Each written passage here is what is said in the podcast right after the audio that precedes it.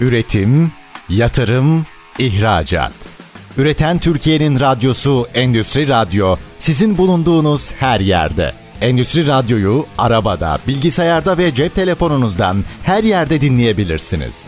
Endüstri Radyo.com Çetin Ünsal'ın hazırlayıp sunduğu Reel Piyasalar programı başlıyor.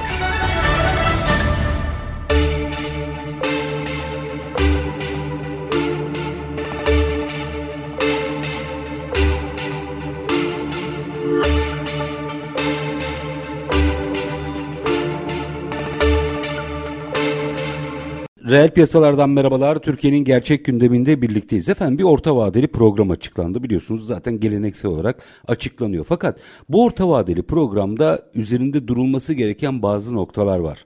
Mesela dijitalleşmeye atıf var. Yeşil ekonomiye atıf var. Ve tabii tüm bunları aslında kobiler, dönüşüm, dijitalleşme, yeşil ekonomi penceresinden okumak gerekiyor.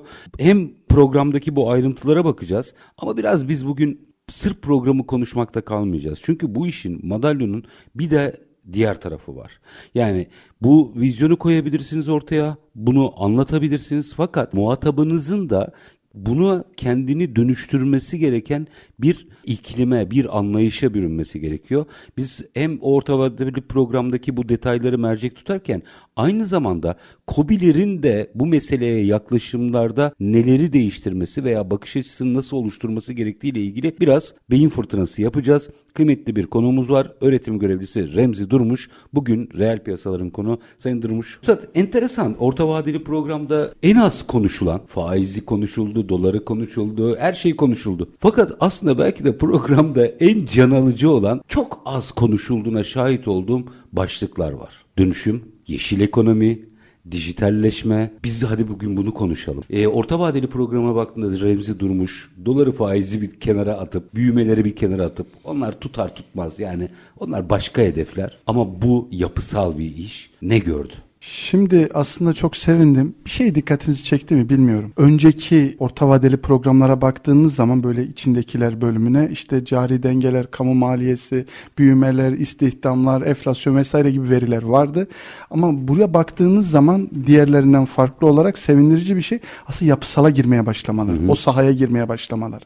Şimdi Çünkü bu, de, ders çalışmadığımız tek alanda o. Kesinlikle. Ya şöyle bir şey var. Hani siz şöyle bir şey istiyorsunuz. Diyorsunuz ki ya işte biz büyüyeceğiz, şunu yapacağız, bunu yapacağız. E nasıl yapacaksın? Ya Sadece yaşa. bir insana para yaşa. vermekle bu işi yapamazsın. Yaşayın. Ya yani öyle değil mi? Sadece istihdam yaratarak bu işi yapamazsınız. Yani burada bir vizyon ortaya koyamadığınız zaman COBİ'nin gelişmesi için, büyümesi için bu süreci e, canlandıramadığın zaman büyüyeceğiz, şey olacak, enflasyon düşecek. Ya ama bunların gerçekleşebilmesi için bir altyapının olması lazım. Diğeri şişme oluyor zaten, büyüme olmuyor. Ya kesinlikle öyle. Hani bir de şey diyorsunuz ya hani büyüme diyorsunuz ya neye istinaden büyüme? Acaba bir istihdam yaratacaksınız, işte yeni tesisler, fabrikalar kurulacak, ihracat büyüyecek, katma değerli ihracat büyüyecek. Buna bağlı bir büyüme mi yoksa tüketime bağlı bir büyüme mi? Tüketim, ithalat veya sıcak para Evet, Bunları ne, yaşadık. Evet neye bağlı büyüme? Şimdi o da bir soru işareti. Ama şimdi hakikaten burada en çok bizi sevindiren nokta dediğiniz gibi e, yeşil dönüşüm gibi ve dijitalleşme gibi kavramların bu şeyde temas Programlar. edilmiş olması, temas edilmiş olması. Ama burada bir şey dikkatinizi çekti mi bilmiyorum. Aslında son takribi olarak söylüyorum 6-7 yıldır COSGAP dijitalleşmeye şey yapıyordu, destek veriyordu. Tabii tabii. COBİ desteği veriyordu. Orada takribi olarak söylüyorum 1 milyon liraya kadar bir şey desteği vardı dijitalleşme gelişme desteği vardı. Yani COSGAP aslında bu şeye başlamıştı, bu sürece başlamıştı. Ama Üstadım COSGAP çok uzun zamandır o vizyonları ortaya koyuyor da ortada para olunca herkes paraya bakıyor. COSGAP'in anlattıkları göz ardı ediliyor. Maalesef, maalesef. E sadece şey değil ki bakın aslında oradaki vizyon yani o işte COSGAP'in ortaya koyduğu vizyon ya da Avrupa Birliği e, bu projelerin ortaya koyduğu vizyon aslında temel noktada şuydu. Proje odaklı düşünce. Hı hı.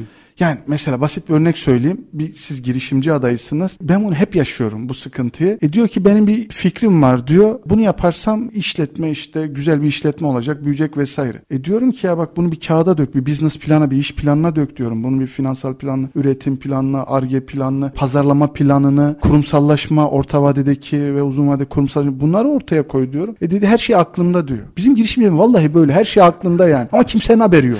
Ama sürekli ladesleniyoruz. Ya öyle öyle öyle ama. kesinlikle öyle. Ya o kadar şey ki belki bunun kitabı da yazılır. Yani girişimci mesela şeyi açıyor, işletmeyi açıyor ama şey planlaması yapmamış. Bakın yanlış bir algı var. Diyor ki ben bugünü açtım. Sanki herkes onu bekliyor. Hani şey gibi sanki antik çağda yaşıyoruz. Ulan böyle bir dükkan açıldı. Hemen hemen gidip bir şeyler alalım. Böyle bir bakış açısı var. Ondan sonra ne oluyor? Açıyor, şeyi planlamıyor. Ya şimdi girişimcilikte iki yıl ölüm vadisidir.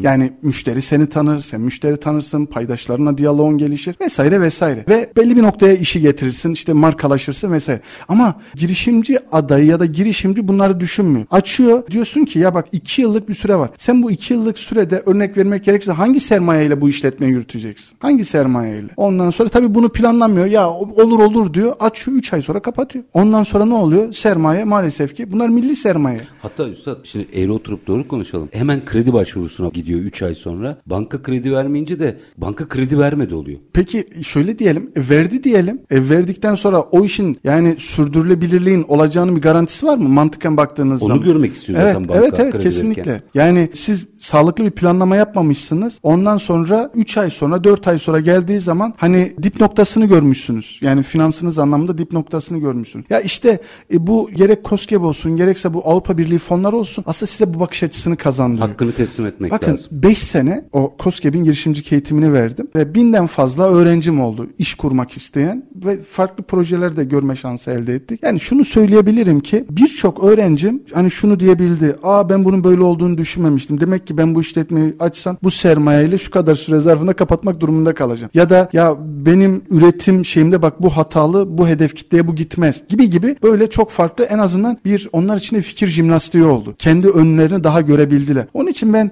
hani bizim girişimcilerin bu anlamda bakış açısını değiştirmekte gerçekten şey önem atfediyorum. Yani ya bir projeniz olmadan bir efendime söyleyeyim business planınız, iş planınız olmadan bunu şey yapmayın. Hadi benim aklımda. Senin aklındakiyle olmuyor ki. Yani girişimcilik vergi mükellefi olmak değil. Değil değil kesinlikle değil yani. Hani elindeki ürün ne ya da ne üreteceksin ya da ne satacaksın, hangi hedef kitleye satacaksın, ne kadar sürede satacaksın. Bu satış işlemlerini veya bu süreçleri gerçekleştirirken hangi kaynakları kullanacaksın? Bunun tanıtımını nasıl yapacaksın? Müşteriye nasıl sesleneceksin? Hangi kanalları kullanacaksın? Bunların maliyetlerini planladın mı? Yok. E, Bu bunların hiçbirisi yok. İşte benim aklımda bir fikir var. Ya bu ülkede 85 milyon insan var. 85 milyon her birinin aklında zaten bir fikir var. Tabii. Ama fikir başka, hayata geçecek olan iş başka. Evet evet yani zaten hani kurulan işletmelerin büyük bir bölümü birkaç sene içerisinde maalesef ki batıyor. E bunun nedeni de işte bu yani. Şimdi bu pencereden baktığımız zaman bu orta vadeli programda hükümetin aslında önceki orta vadeli programlarından farklı olarak bu yapısal problemleri ortaya koymuş olması aslında çok önemli. Ama işte şimdi Sayın Durul orada insan biraz üzülüyor. Gerçekten diğer orta vadeli programlardan en büyük farkı bu ama en az konuşulanı bu. Evet kesinlikle ya çünkü bakın sizin ekonomi dediğiniz şey aslında toplumun sosyal davranışlarıdır. Yani toplum argeye katma değere önem verdiği zaman girişimler de öyle oluyor. Doğru. Yani mesela Amerika'daki o San Francisco'da oradaki o büyük girişimler bir gecede olan şeyler değil. Aslında bir yaşam tarzının bir vizyonun yansımasıdır. Ekosistem. Kesinlikle. Ya geçen bir televizyon kanalında orada sanayicilere seslendim dedim ki ya Allah rızası için siz hep dışarıdan oradaki şey yatırım bekliyor. Yatırım fizibilite işidir, fizibil olma işidir aslında. Dedim bunun yerine bakın belediyeler var, orada üniversiteler var, sanayi odaları var. E, sanayi odalarındaki sanayiciler yatırımcı olsun yani melek yatırımcı olsun. Öteki taraftan üniversiteler de orada akademik desteği versin. Ondan sonra yerel yönetimlerde bu süreçte gerekiyorsa alan desteği versin. Efendime söyleyeyim oradaki fikirler, projeler, gençlerin projeleri orada kalsın ve oraya yatırım olsun. Dışarıdan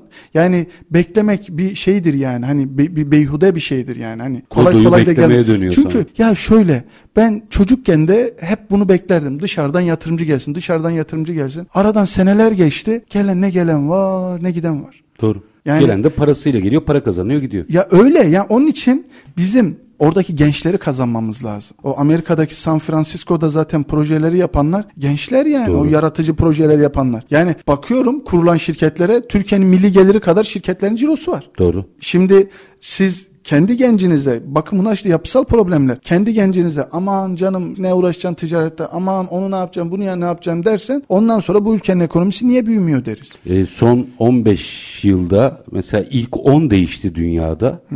Birbirinden çok kıymetli firmalarımız ve çok kıymetli sektörler yanlış anlaşılmasın ama ISO 500 açıklandı. Yıllardır takip ediyoruz. İlk onda hala dünyadaki gibi bir dönüşümde beklemiyorum. Bir tane teknoloji şirketi koymadık oraya da. O zaman bizim işte orta vadeli programın bu hedefine bu gözle okumamız gerekiyor. Ya kesinlikle bakın buraya medyanın da bu işe gerçekten önem vermesi gerekiyor. Şunu medyanın görmesi gerekiyor. Burada bir altyapı problemi var. Bu altyapı problemi olmadan kimse sanayinin büyümesini, katma değerin artmasını, ekonominin gelişmesi, ileri gitmesini beklemesin. Herkes orada sonuçlarla ilgileniyor. Ya sonuçların adam akıllı sonuç olabilmesi için ilk önce sebeplere gitmek lazım. Sebebin kaynağına gitmek lazım. Orada problem varsa o problemin düzeltilmesi lazım. Bakın burada bir hedef koymuş. Beğenirsiniz, beğenmezsiniz eksisini görürsünüz, artısını görürsünüz. Bu ayrı bir tartışma konusu ama burada sonuçta bir hedef konmuş. Ya bu hedeflerle ilgili ne yapabiliriz? Yani kobilerimiz ne tür adımlar atabilir? Nasıl bir strateji benimseyebilir? Aslında bunlar bana göre herkesin bir şekilde ev ödevidir ve çalışması gereken bir şeydir. O zaman şu ev ödevini bir çalışalım. Ne yapılabilir konuşalım ama minik bir araya gideyim. Aranın ardından bence hem kobilerin yapısı hem bakış açımız hem medya dahil bu konudaki yaklaşım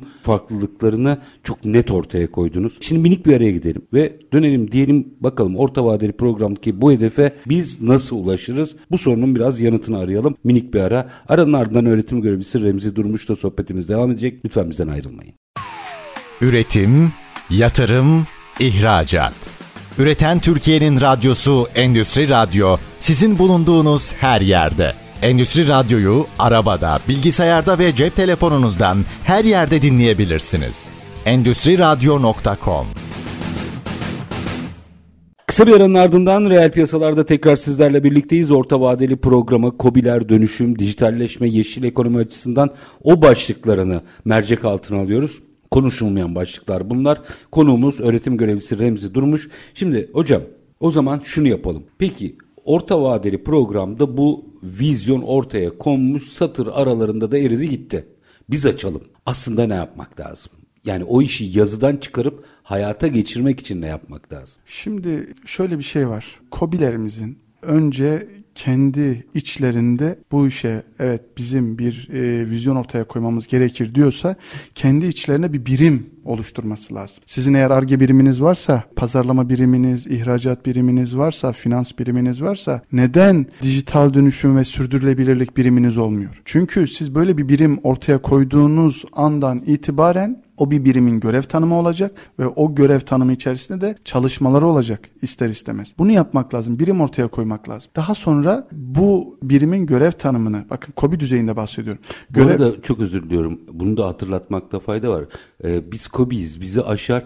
Hocam siz bunu sahada uyguladınız. Evet. Bir KOBİ bunu yapabildi. Kesinlikle. Yani bu yapılamaz diye bir şey değil yani. Bakın biz evet bunu yaptık. Hatta bunun akademik çalışmasını da yaptık. Makalesini de yazdık vesaire. Ama şunu söyleyeyim. Yani eğer biz diyorsak ki bir işletme olarak Avrupa Birliği ile bizim ihracatımız var diyorsak e, o zaman bu bizim en en öncelikli konularımızın arasına girmesi lazım. Çünkü bakın orta vadeli programa baktığımız zaman da orada da bu yeşil dönüşüm bölümünde zaten buna atıf yapıyor. İşte Avrupa Birliği işte orada geri dönüşüm bunlara dikkat edilmesi gerekti. Orada hatta size söyleyeyim bunu politikalar ve tedbirler kapsamında 21 maddede açıyor orta vadeli programda. Bu bağlamda bak baktığımız zaman işletmelerimizin yıllık bir şey çıkartması lazım. Bir strateji çıkartması lazım. Biz bir yılda gerek dijital dönüşümde gerek sürdürülebilirlik alanında neler yapacağız? Hangi aşamaları kat edeceğiz? Yani bunları belirlemesi lazım ve bunu da özellikle üst yönetimin benimsemiş olması lazım. Çünkü niye? Bu tür şirketlerin içsel dönüşümüne bağlı olan strateji yani orada çalışanı da etkileyecek olan bir şekilde stratejiler iç dirençle karşılaşabiliyor. Bu direnci aşabilmek için de yönetimin bu işe istekli olması lazım özellikle. İrade koyması lazım. Kesinlikle. Ki bu süreçte e, başarı elde edilebilsin. Çünkü niye diyeceksiniz? Bakın dijital dönüşüm diyorsunuz. E, dijital dönüşüm yapmadığınız zaman verimliliği nasıl elde edebileceksiniz? Yani ham maddeden tutun da efendime söyleyeyim son kullanıcıya kadar ki gerçekleşen bu uçtan uca süreci nasıl denetleyebileceksiniz? Hangi makine hangi saatte çalışmış ya da çalışmamış, durmuş ya da iş yapmış bunu nasıl denetleyeceksiniz? Veri akışını nasıl kontrol edeceksiniz? Verimi e, nasıl elde edebileceksiniz? Yani gibi gibi bu soruları çoğaltabiliriz. Bunlar yapmadığınız zaman nasıl yapacaksınız? Öteki taraftan Avrupa'daki bir işletme dijital dönüşüm sürecini gerçekleştiği zaman bütün bütün akışlar sabah yönetici geldiği zaman Elinde. elinin altında olacak ve uzaktan da bunlara bir şekilde erişebiliyor. Şimdi İki cümle şunu da açar mısınız? Bu söylediğiniz çok önemli. Yani biz eskiden bunları yapıyorduk yine yaparız diyorlar ama şu Avrupa'daki işletme atfınız önemli. Rakip artık bunu yapıyor. Ya- İşler değişti değil mi? Öyle kesinlikle öyle işler değişti. Bir de şöyle bir şey var. Bakın dünya artık büyük bir köy. Sizin rakibiniz efendime söyleyeyim Mersin'deki, Antalya'daki, İzmir'deki, ne bileyim İstanbul'daki bir işletme değil. Sizin rakibiniz tüm dünya. Bir de şöyle bir şey var. Ben buradaki bizim işletmelerimize hep söylüyorum. Bakın sadece iç pazara hitap edecek bir işletme kuracaksanız bana soracak olursanız kurmayın. Çünkü bu yani nasıl diyeyim size bir anlamda ölü yatırım. Ve en ufak bir krizde ilk etkilenecek olan işletme yapılarından bir tanesi oluyorsunuz. Çünkü bakın bugün işletmeleri Türkiye'de bu enflasyon süreci içerisinde işletmeleri ayakta tutan en önemli şey yaptığı ihracat. Yani şirkete olan döviz girdisi. İşletmelere aslında güç veren bu. Bu döviz girdisi. O nedenle işletmelerimizin özellikle mutlaka bunu düşünmesi lazım ihracat. Ama ne dedik? Dünya artık büyük bir köy. Bunu düşünürken de sizin rakibiniz dijital dönüşüm süreci içerisinde bir şeyler yapıyorken e siz hangi personel hangi saatte geldi gitti bunu kontrol edemiyorsanız ya da makinalarınız hangi saatte çalıştı çalışmadı bunu kontrol edemiyorsanız müşteri verilerinizi siz sisteminizde online olarak tutamıyorsanız o müşterilerinizin istek, beklenti vesaire bu süreçleri yıllar içerisinde geçmişe dönük olarak kontrol edemiyorsanız istekleri, beklentileri dijital bir şekilde karşılayamıyorsanız e ben sorarım size o zaman bu işletmenin devamlılığını nasıl sağlayacaksınız? E bir kere verim kaybına uğruyorsunuz ve işin daha da ilginci ne kadar bir kayba uğradığınızı da bilmiyorsunuz aslında tam olarak. Güzel. Yani o ham maddenin girdisinde efendime söyleyeyim oradaki üretim sürecinde oradaki depolamaya, stoklamaya işte ürünün paydaşlara ya da işte e, tedarikçilerine gönderinceye kadar oradan da son kullanıcıya kadar bütün bu süreç içerisinde e, nasıl bir verim kaybına uğradığınızı da bilmiyorsunuz aslında. Aslında onu çıkartsanız ciddi bir yıl içerisinde e, verim kaybına uğradığınızı bunun da bir maliyeti olduğunuzu peki bu maliyetin cezası kime kesiliyor? Tabii ki müşteri. Aynen öyle. Yalın üretim mantığında ne vardır biliyor musunuz? Der ki senin yaptığın hataların bedelini müşteri ödemek zorunda değildir. Müşteri ödemek zorunda değildir. Siz bir diyelim cep telefonu alacaksınız. Diyelim farazi söylüyorum rakamı. Cep telefonu 5000 lira. E, siz alıyorsunuz 7000 liraya. E, aradaki şey ne? Üreticinin hataları. Siz o 2000 liralık farkta hani bunları farazi olarak söylüyorum. O 2000 liralık farkta sizin aldığınız markanın üretirken ya da ham maddeyi tedarik ederken ya da diğer süreçlerdeki verim kaybından oluşan hatalar. Siz onun bedelini ödüyorsunuz aslında. Peki siz bu bedeli ödemek zorunda mısınız? Değilsiniz. İş orada bitmiyor ki bir de enflasyon olarak yansıyor bu. Evet evet bir de öyle yansıyor. Yani bir, bir diğer boyutu da şu. Şimdi hani şey diyoruz yani mesela yeşil dönüşüm diyoruz. Yani işin sürdürülebilirlik boyutu. E şimdi yine cep telefonu üzerinden gideyim. Bir cep telefonu alıyorsunuz. Peki ben size bir soru sorayım. Siz ürettiğiniz bu cep telefonuyla bir üretim sürecine karbon salınımı yapıyorsunuz. Benim geleceğimi niye töhmet altına alıyorsunuz karbon sal- salarak? Benim, benim çocuğumun, torunumun, torunun torunu niye töhmet altına alıyorsunuz? Çünkü niye? Bakın artık dikkatinizi çekerim. Doğru dürüst kış yaşanmıyor. Yazlar doğru dürüst yaşanmıyor ve iklimler birbirine geçmiş durumda. E siz bu saldığınız karbonla dünyayı böyle bir tehlike altında bırakarak e, ne yapıyorsunuz? İnsanların geleceğini ne yapıyorsunuz? Töhmet altına alıyorsunuz, tehdit ediyorsunuz aslında. Ve bu şekilde dünyada daha fazla alanı ekilemez hale getiriyorsunuz. Temiz suya erişimi tehdit eder hale geliyorsunuz. Bakın bugün sizin bir giydiğiniz gömlek işte onun pamuğu tarladan üstünüze gömlek oluncaya kadar geçen süreçte tonlarca su kullanılıyor. E dünya kaynakları bu kadar zengin mi? Tabii ki değil. Biz dünyadaki suyun yüzde birini kullanıyoruz. Her yer okyanus olsa da bunun yüzde birini kullanabiliyoruz. Onun için hani bu paralelde baktığımız zaman Avrupa vatandaşı bu anlamda daha bir şey ortaya koyuyor. Bir dirayet, bir direnç ortaya koyuyor. Mesela ne diyor gittiğiniz zaman diyor ki ya sen diyor şirket olarak bunu müşteri soruyor bakın. Şey, nihai müşteri. Evet, evet. B2B değil yani. Yok yok müşteri soruyor. O B2B'ye de yine kendi müşterisi soruyor. Yansıyor tabii. Aynen. Diyor ki ya diyor sen sürdürülebilir misin diyor. Yani bu fabrika atıkları geri dönüştürülebilir mi diyor. Bunun ham maddesi geri dönüşür mü diyor. Sen atıklarını nasıl değerlendiriyorsun diyor. Efendime söyleyeyim personelin haklarına, hukukuna çünkü sürdürülebilirlik başlıklardan bir tanesi de odur sosyal gelişim. Personel hak hukukuna riayet ediyor musun diyor. Çevresel yönetimin yapıyor musun diyor. Yapmıyor musun diyor. Aksi takdirde sen diyor benim yaptığın çalışmalar sen kar ederken benim hayatım etkileniyor. Sebep? Niye böyle bir şey olsun? Yani bunu zaten bizim Avrupa'ya giden ihracatçılarımız, ihracatçılarımız çok, çok net bir şekilde görüyor. Bakın size daha ilginç bir şey söyleyeyim. Geçen hafta ya da ondan önceki haftaydı bir fuar vardı. Tekstil aksesuarları fuarı. Böyle ziyaret ettim ama çok büyüktü yani hani hı hı. bir fuardı. Birkaç şirketi böyle sürdürülebilirlikle ilgili logolar koymuş. Ben de heyecanla sordum. Dedim ki sürdürülebilir bir firma mısınız dedim. Aa evet tabii sürdürülebilir bir firmayız. Aa ne güzel dedim. Ne yapıyorsunuz dedim. Bakın dedi bizim de sürdürülebilir sertifikalarımız var dedim. Yani dedim ki ya güzel bir şey ama dedim bu sizin sürdürülebilir olduğunuzu göstermez. Hı hı. Sertifikanız olduğunu gösteriyor. Evet sertifikanız olduğunu ya da bu aldığınız ham maddenin işte geri dönüşte biri olduğunu gösterir. Ama dedim sürdürülebilirliğin altında 40-50 tane başlık var. Siz bir tanesini yapmışsınız. Hani e, diğerler nerede? Şu an yani işletmelerimiz aslında sürdürülebilirliğine tam ne olduğunu bilmiyorlar. Bu arada Avrupa Birliği de bu işe direkt hedef vermiş vaziyette. Yeşil boyama dediğimiz bizim isteyerek ya da istemeyerek yani bilinçli de olabilir, bilinçsiz de olabilir. Çok ciddi cezalarla muhatap edecekler. Şimdi geçen hatırlarsanız bir konuya temas etmiştim. Almanya şöyle bir şey dedi. Dedi ki 1 Ocak 2023 itibariyle Almanya'da kurulu olan ve minimum 3000 kişi çalışan şirketler sürdürülebilirliğin kurallarına birebir işte riayet etmek durumunda ve paydaşlarıyla birlikte. Basit bir örnek vereyim. Siz diyelim bir gömlek üreticisiniz. O Almanya'daki firma da bunu sizden alıyor. Ya da Almanya'daki firma o gömleğin düğmesini alıyor diyelim sizden. Hı hı. Hani örnek veriyorum. Diyelim şikayete konu oldu. İşte bu firma sürdürülebilir değil. Almanya Ticaret Bakanlığı gitti baktı evet yani böyle bir sıkıntı var. Oradaki firmaya 8 milyon euroya kadar ceza kesebiliyor. Diyor ki sen de git o paydaşınla protokol yap işte şunları şunlara riayet edeceksin diye. Eğer bu şeyden kaynaklıysa senin bu paydaşından kaynaklıysa rücu ona rücu ettir diyor. Allah aşkına bu ülkede kaç tane şirket 8 milyon euro ceza ödeyebilecek noktada. Bunu Anahtarı örnek verir gider var. Evet evet. Anahtar bile kurtarmıyor. hani anahtar yani şöyle bir şey diyeyim. Ya anahtarı kaşıkçı elmasından yapmış olsam bile kurtarmaz yani.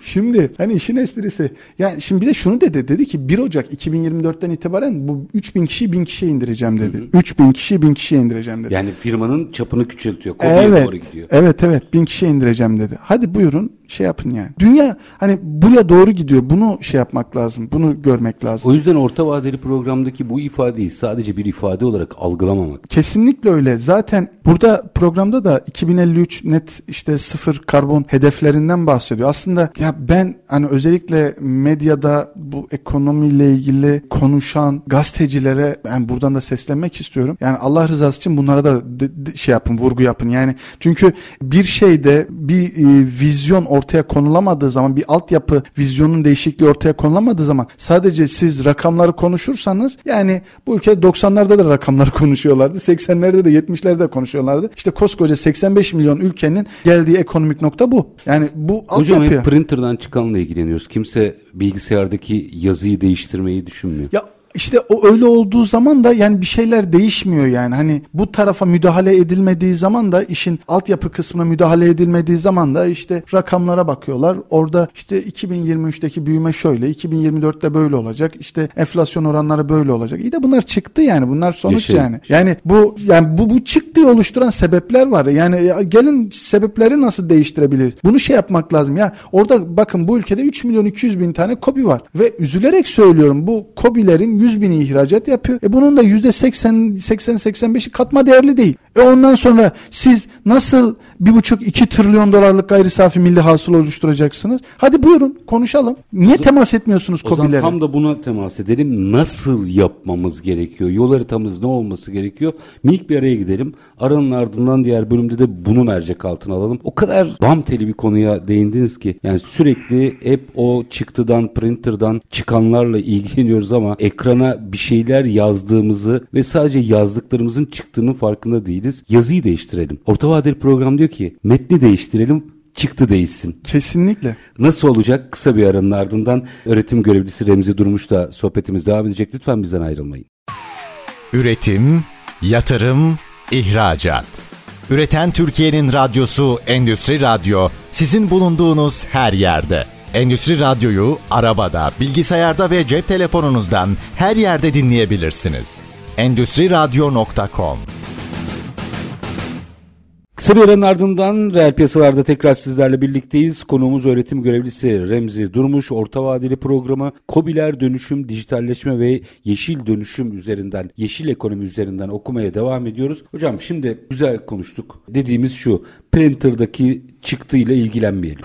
Bilgisayardaki yazıyı değiştirelim. Şimdi orta vadeli program 3 cümle bunu yazmış. Tamam ne yapacağız? Ne yaparsak ama burada kamuya, üniversiteye, KOBİ'ye hatta mesleki STK'lara kadar kime ne görev düşüyor? Hadi bunu açalım. Şimdi özellikle bir kere KOBİ'lerin bir envanterini çıkartması lazım. Yani hangi şehrimizde ne tür kobi var. Elimizde ne var? Evet elimizde ne var? Bir fotoğrafı çekmek lazım. Hani şey yaparken de dijital dönüşüm aynı şekilde sürdürülebilirlikle ilgili bir çalışma yaparken de ilk önce kobinin fotoğrafını çekersiniz ya dijital olgunluk Hı-hı. ya da sürdürülebilir olgunluk analizini yaparsınız ya.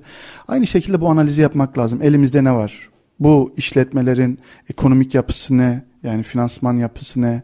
Efendime söyleyeyim. İnsan e, kaynağı, insan kaynağı ne? Arge durumu nedir? İhracat yapısı nedir? Kurumsal yapısı nedir? Bu şeyi çekmek lazım. Fotoğrafı çekmek lazım. Ve işletme bazlı tedavi uygulamak lazım. Biraz açın. Bu kıymetli bir şey. Evet. Şimdi diyelim sizin işletmenin biz şeyini çektik, fotoğrafını çektik. Ne eksikliği var diyelim? İşletmenin ihracat yapısında problem var. Hmm. İhracat yapısı. O ihracat yapısının tedavi edilmesi için ne yapılabilir? Bununla ilgili bir çözüm üretmek lazım. Bu alanda örneğin deli bir işbirliği mi yapmak gerekiyor? Bununla ilgili bir şey yapmak lazım. Ya da efendime söyleyeyim bu işletmeyi ne bileyim program oluşturup belli atıyorum Avrupa'da B2B toplantılara göndermek lazım. Ya da oradakilerini e, oradaki iş insanlarını buraya getirip ya da online bir program üzerinden bir araya getirmek lazım. Ya da mesela sizin argenizde mi problem var? Ama bakın ben bu problemlerden bahsederken işletme sahibinin gözünden değil de daha ziyade orada bu çalışmayı yapacak ekip gözünden. Bunun için akademisyenler de olacak. Ekip gözünden evet burada böyle problemler var. Onun gözünden bunları söylüyorum. Çünkü insanlar bir işletmede uzun süre çalışınca bir süre sonra işletme körlüğü oluşuyor. Göremiyor bazı şeyler. Mesela diyelim arge probleminiz mi var? Hadi bakalım üniversite sanayi işbirliği. Bu üniversite sanayi işbirliğinde işte eksiklik nedir? Şunlar şunlardır. Yani şey işletmenin daha doğrusu şunlar şunlar. O alanda proje geliştirmek lazım. Gerekiyorsa o projenin bütçesinin %75'ini de devlet versin. Zaten adam kesinlikle zaten. zaten adam orada iş insanı kar ettiği zaman devlet zaten bunun e, vergisiyle kat be kat kar ediyor. E işletme ne kadar büyürse e, bu devletin hazinesine, kasasına o kadar girmiş olacak aslında. Hı hı. E, çünkü siz onun stopajından alıyorsunuz, KDV'sinden alıyorsunuz alıyorsunuz. Gelir vergisinden alıyorsunuz. Hani metaforize etmek isterse devlet bir işletmenin %50'sine ortak gibidir aslında. Tabii. Görünmeyen ortaktır. Doğru. Bu anlamda baktığımız zaman. O nedenle bu şeyin çekildikten sonra bu fotoğrafın çekildikten sonra işletme bazlı bu çalışmaların yapılması lazım. Yani size şunu söylüyorum. İşletmeye, kobiye dokunmak lazım. Kobiye dokunmak lazım. Sadece iki tane prosedürle, iki tane protokolle maalesef bu işler olmuyor. Yerinden bu işi yönetmek lazım. Gidip orada Kobi'ye şey yapmak lazım. Sahada yani. Sahada saha çalışması yapmak. Gerekirse bunun ekiplerinin kurulması lazım. Yoksa biz bekliyoruz dışarıdan yok yatırımcı gelecek yok işte hani sonuçla ilgileniyoruz. Bu sene işte bu ay işte ihracatımız şu oldu. Bu ay bu oldu. E çok bir şey bekleme. Bir sonraki ay 3 aşağı 5 yukarı aynı olacak. Ya da bir sonraki sene 3 aşağı 5 yukarı benzer rakamlar çıkacak. Çünkü sahada etki yaratmadığınız sürece bakın ne diyorum Kobi'ye dokunmak lazım, temas etmek lazım. O iş insanlarına ya da iş kadınlarına temas etmek lazım. Problemi yerinde çözmek lazım ve yerinde bunları şey yapmak lazım, teşvik etmek lazım. E, bunlar yapılmadığı zaman sadece sizin de az önce ifade ettiğiniz gibi print gibi sonuç olarak ondan sonra şu rakam böyle çıktı, bu rakam böyle çıktı. E ne, ne çıkmasını bekliyordun? Orada o vurgunuz o kadar önemli ki ya. Bir de hap çözümler değil diyorsunuz. Kobilerimiz dijitalleşirken şunları şunları şunları yapmalı. Bu çok enteresan bir bakış açısı ve bence çok hoş. Herkesi tek tek tedavi etmekten söz ediyorsunuz. Kesinlikle öyle. Yani yani bunu siz yani nasıl ki beş parmağın beşi de bir değilse her kobinin problemi de aynı değil. Yani hatta kobilerimiz sadece bu da değil. Hani sadece büyümesi de değil. Ya bunları biz borsaya girmeye teşvik edelim. Gerekiyorsa efendime söyleyeyim Hong Kong borsasını açalım. New York borsasını Tabii. açalım. Allah aşkına Türk markaları niye New York'ta temsil edilmesin? Niye Hong Kong'da temsil edilmesin? Bakın sizin bir markanız e, dünya neresine giderseniz gidin sizin dokunuzu taşır. Gidin bir Japon arabası alın mesela. O Japon kültürünü, Japon ahlak etik anlayışını bir yansımasını görürsünüz. Bütün o kaportasından tutun da efendime söyleyeyim tekerine kadar, aynasına kadar o yansımanın şeyini görürsünüz. Anlayışını, kalite anlayışını. Neden bir Türk markası Japonya'da, Almanya'da, Fransa'da, ne bileyim Afrika'da, Orta Doğu'da daha fazla markamız temsil edilmesi? Ama işte ona dokunmazsan birebir sahada pres yaparak ona dokunmazsan e, çok bir şey de beklememek lazım. Yani bakın 100 yıllık bir cumhuriyetiz ve nüfusumuzun önemli bir kısmı genç nüfus ve biz bu genç nüfusu, bu elimizdeki kaynakları biz üretime dökemiyoruz ihracatımızı 500 milyar dolar yapamıyoruz. Yani ama bu şekilde zor yani. Hani burada dediğim gibi hani sahada işletme bazlı şey yapmak lazım, çalışma yapmak lazım. Bunları birebir gözlemlemek, birebir hangisi ne yapıyor, ne ediyor birebir şey yapmak lazım, analiz etmek lazım. Kobi'nin ne yapması lazım? Ya Kobi'ye de düşen bir görev var burada. Ya şöyle söyleyeyim. Bir kere Kobi'nin şu kafadan çıkması lazım. Doğruyu söylemek gerekirse. Hani derler ya dost acı söyle. Hı hı. Ben her şeyi bilirim kafasından çıkmak lazım. Bakın ben Anadolu'da birçok üniversitede Sanayi Ticaret Odası'nda seminerler verdim. Ya maalesef bunu görüyoruz yani. Hani benim param olsa her şeyi yaparım. Ya her şeyi parayla çözemiyorsunuz ki. Yani siz parayla bir işletme açabilirsiniz.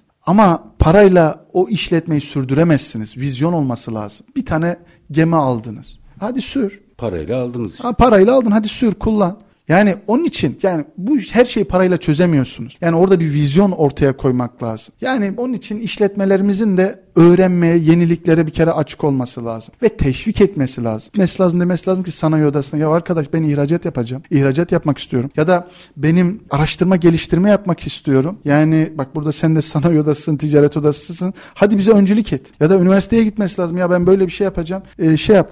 Bize bu, bu sürece katkı sağla gibi gibi. Yani sanayicimizin de talepkar lazım. olması lazım. Aynen yani hani ben her şeyi biliyorum, her şey hakim böyle bir dünya yok yani. Türkiye olarak her şeye hakim değiliz. Yani ihracatımız ortada. Ürettiğimiz katma değer ortada yani. Hani verimimiz ortada. Efendime söyleyeyim. Dünya ekonomisinin içinde yüzde 0,9'luk payımız var. Acı değil mi sizce? Çok acı. Böyle bir potansiyele. Ya maalesef öyle. Yani e şimdi bu ya bu nasıl bir şey biliyor musunuz? Bakın Cumhuriyet'in 100 yıllık tarihine bakın. Bu şekilde bu kobiler büyümediği sürece ne biz bu enflasyondan kurtarabiliriz ne cari dengemizi oluşturabiliriz ne de bir ekonomik büyüme istediğimiz anlamda sağlayabiliriz ne de gençlerimizi bu ülkede tutabiliriz. Yani bu kobiye dokunmak lazım. Yani bu yani ülkeyi ülke yapan o ülkenin şey işletmeleridir yani. Hani Hocam, şimdi kamu kurumları değildir. Şunu birazcık daha aciliyetiyle konuşmak lazım. Bunları mesela yıllardır konuşuyoruz. E, zaman var, zaman var. Şimdi zaman kalmadı. Problem bu. Yani Bundan 5 sene sonra bunları konuşmamızın hiçbir anlamı kalmayacak. Bunu nasıl anlatacağız? Ya şöyle ya burada özellikle medyaya çok önemli görev düşüyor. Yani medyanın şunu bilmesi lazım. Yani hani sadece rakamlar üzerinden konuştuğumuz zaman bir sonuca varamayacağız. Yani 30 sene önce de varamadılar, bugün de varamayacaklar. Bir 30 sene geçse yine şey yapalım. Yani bunu medyanın biraz daha işlemesi lazım. Yani bir algı yaratılması lazım. Yani bunun ne kadar önemli olduğuna, kobilere birebir dokunması gerektiğiyle ilgili bir algı yaratılması lazım. Çünkü malumunuzdur. Yani gerçek olan yarattığın algının kendisidir. E burada da e, hayırlı bir şey e, yapılması lazım. Zaten sizin medya dediğiniz yani aslında bir anlamda yarı kamu kurumu gibi değil midir? Kamu yani? görevidir. Evet medya. kamu görevi Mensuplu. yapıyor yani. Aynen. Kamu yani o sorduğu sorular da aslında kamuya bilgilendirmek amacıyla soruyor. Hı hı. O kişi kendisi sormuyor. Yani kamu adına soruyor aslında. Onu kamu soruyor, sormuş oluyor öğrenmek için. Ya yani onun için ya en azından bunu sadece bu rakamlar üzerinden değil de bakın burada dijital dönüşümünden yeşil dönüşümüne kadar, kobilerin gelişimine kadar farklı farklı noktalarıyla şey yapılması gerekiyor incelenmesi gerekiyor.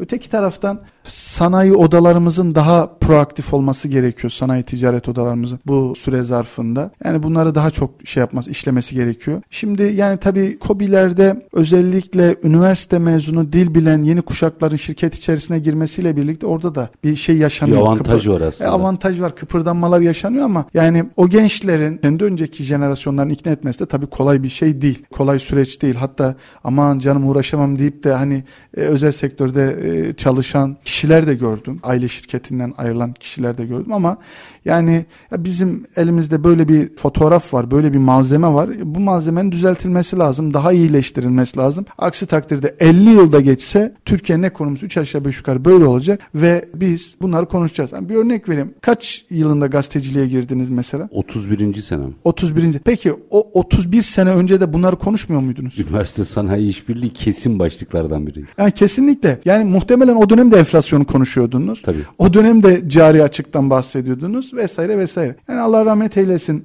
Geçen bir video gördüm. Süleyman Demirel, efendime söyleyeyim, e, Mesut Yılmaz. 91 seçimlerinden önceki e, video. Evet, Erbakan. Hepsi enflasyondan bahsediyor. Enflasyonu in, tek hane indir, enflasyonu indir, enflasyonu indireceğiz. Aradan geçmiş 30 sene hala aynı şeylerden bahsediyoruz. Yani enflasyonu indireceğiz, enflasyonu indireceğiz. Yani Çünkü enflasyon üretimle indiğini unutuyoruz. Kesinlikle onu anlatmak istiyorum yani. Hani enflasyonu nasıl indireceksin? Yani hani ne yapacaksın? Yani üretimin dışında efendime söyleyeyim istihdamın dışında katma değer üretmenin dışında nasıl şey yapacaksın yani? Okuyu büfleyerek mi inecek? Nasıl inecek? Yani bu yani çözüm bu yani. Hani kimse şey beklemesin yani. Hani Mucize. mucize beklemesin. Hani geldim dokundum her şey düzeldi. Yok böyle bir dünya. Keşke olsa. Ve burada yolculuğa bir kere envanter yani Kobe envanteri özellikle ve tek tek temas ederek hastalarımızı tek tek iyileştirip aslında içlerindeki potansiyeli ön plana çıkararak yapmalıyız diyorsunuz. Evet evet kesinlikle. Yani aksi takdirde şey beklememek lazım yani. Peki hocam iki dakikam var. İki dakikada şunu da yanıtını almak isterim. Türkiye'nin 81 vilayetinde gidelim ve bunları anlatalım. Şu anda aslında radyoda bunu yapıyoruz. Sonra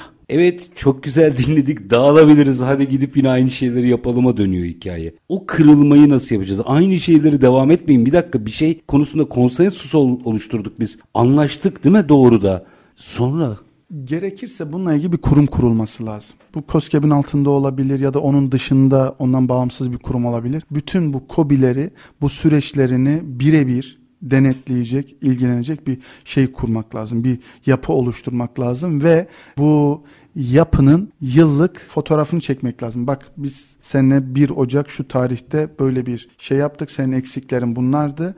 Ondan sonra ilerlemede bir yıl içerisinde 6 ayda bu oldu, 7 ayda bu oldu. Ondan sonra şu an şu aşamada buradasın diye bunları sürekli sürdürülebilir hale getirmek lazım. bunu da kredi notuna bağlayın. Evet, bunda İyi şeyler yapanlar avantajlı olsun, yapmayanlar dezavantajlı olsun. Kesinlikle evet. Yani dediğiniz gibi bunu ona bağlamak lazım. Hatta bunun üzerine bir de teşvik vermek lazım. Tabii tabii. İyi Yani- yaptıkça teşvik alsın. Aynen. Bunda teşvik vermek lazım. Yani teşvik vererek bu süreci devamlılığını sağlamak lazım. Çünkü bizim işletmelerimizde hani şöyle bir şey var yani hani para kazanıyorsam iyi yoldayım.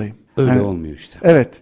Yani o, o nedenle yani böyle bir yapıyı oluşturmamız lazım yani hani bu yoksa yani siyasetçi gitti orada işte fi tarihinde konuşma yaptı, e çekti gitti. Daha bir dahaki ne zaman gidersin? Bu siyasiden siyasiye değil. Bunu kurumsal hale getirmek lazım. Yani kurumsal bir yapı haline getirmek. Aksi takdirde yani 30 senede bakın ne, ne dedik? 31 sene önce gazeteciliğe girdiğiniz o zaman şikayet ettiğiniz ekonomik problemlerle 31 sene sonra şikayet ettiğiniz ekonomik problemler aynıysa bence burada şapkayı önümüze koyup düşünmek lazım. Çünkü inanıyorum ki 30 sene sonraki problemler de bugünküden çok farklı olmayacak. Hocam bir cümle sağlamasını yapayım. Yıl 2023 proje üretin diyorsunuz. Yıl 2003 Avrupa Birliği 6. Çerçeve Programı bir televizyon kanalındayım o zaman. Sohbet ediyoruz KOBİ'nin biriyle yanımda da bir Avrupa Birliği uzmanı var. Dedi ki ben de o kaynaklardan fonlardan yararlanmak istiyorum. Tabii dedi bir proje üretelim. Ya dedi sen parayı getir proje kolay. Yıl 2023 proje üretelim diyorsunuz. Artık bu kafayı değiştirmenin zamanı gelmedi mi? Ya kesinlikle şöyle zaten işletmeler yani e, kolay kolay şey yapmıyorlar, değişmiyorlar yani hani. E, çünkü işletme dediğiniz şey de sizin aslında toplumsal bir vizyonun, toplumsal bir yaşam şeklinin sımasıdır. Bugün siz e, başarı hikayelerinizi artırmaya başladığınız anda bak bu bu süreçten gitti ve güzel yerlere geldi dediğiniz zaman bunu da yani toplumda cinayet işleyenleri değil de bu başarı hikayelerini yoğunlaştırdığınız zaman o zaman belki işletmelerimize de bunlar rol model olacak ve belki o zaman toplumsal yapı bir anlamda değişmeye başlayacak. İşte bu bu maalesef belki hani bak 2003 dediniz 2023'teyiz. Yani bu kafa değişmediği sürece belki 2053'te de bunlar konuşacağız. Yani ben konuşmayacağım herhalde o zaman Ya- yaşar ya da işte bilmiyoruz. yaşayanlar konuşacak Ama yani belki de. bizden sonraki meslektaşlar Evet. da konuşmasını istiyoruz. Derdimiz Evet. o zaten. Öğretim görevlisi Remzi Durmuş çok çok teşekkür ediyorum. Ben teşekkür ederim. Efendim biz bugün reel piyasalarda orta vadeli programın içerisinde çok fazla konuşulmayan ama en kritik maddeler meselelerden olan işte kobileri, dönüşümü, dijitalleşmeyi, yeşil ekonomiyi konuştuk. Konuğumuz öğretim görevlisi Remzi Durmuş'tu. Biz konuştuk takdir sizlerin. Her zamanki gibi bitirelim. Şartlar ne olursa olsun. Paranızı ticarete, üretime yatırmaktan, işinizi layıkıyla yapmaktan ama en önemlisi vatandaş olup hakkınızı aramaktan vazgeçmeyin. Hoşçakalın efendim.